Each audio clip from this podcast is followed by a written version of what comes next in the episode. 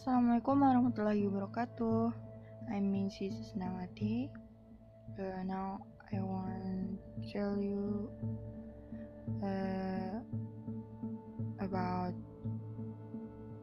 in this material in EOC subject. It's about reaction a video.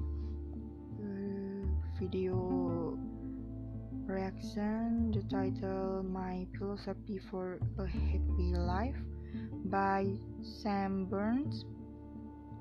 And when I watched that video, I was quite surprised at first. I thought Mr. Sam was not human. I thought it was an animation or not a robot that was specially made at that time. But then in the video it says that Mr. Sam I have a disease called progeria. Okay. I'm quite moved to see the spirit of his life and when Mr. Sam shows the video of realizing his dream of playing the snare drum, it is cool and honestly I really salute especially with his young age it can make a lot of positive lessons in life so in the content of Mr. Sam profit for philosophy aspects for a happy life so the first aspect is be okay with what you ultimately can do because there's so much you can do. Number two, surround yourself with people you want to be around.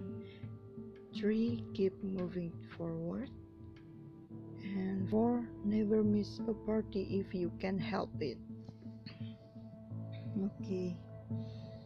The first aspect point like when Mr. Sam knows what's missing, stays focused on the thing he likes and needs to find different ways to create and adapt his can do things.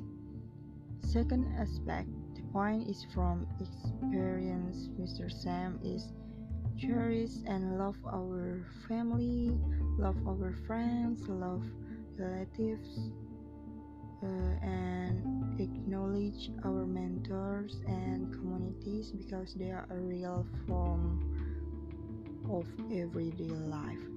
They can have a very significant positive impact. The third aspect, the point is that we have to keep moving forward, focus on making or doing all the new things and knowing that a bright future is ahead of us, and additional philosophical aspects of Mr. Sam is never miss a party if you can help it. Okay, honestly, everything that was conveyed Mr. Sam is very inspiring, motivating to be honest. I'm quite touched by his story his life struggle to achieve happiness. It's really strong determination. I hope he still stay healthy until now and future. Uh, maybe that's all for me. I'm sorry for my mistakes and errors. Uh, thank you so much and wassalamualaikum warahmatullahi wabarakatuh.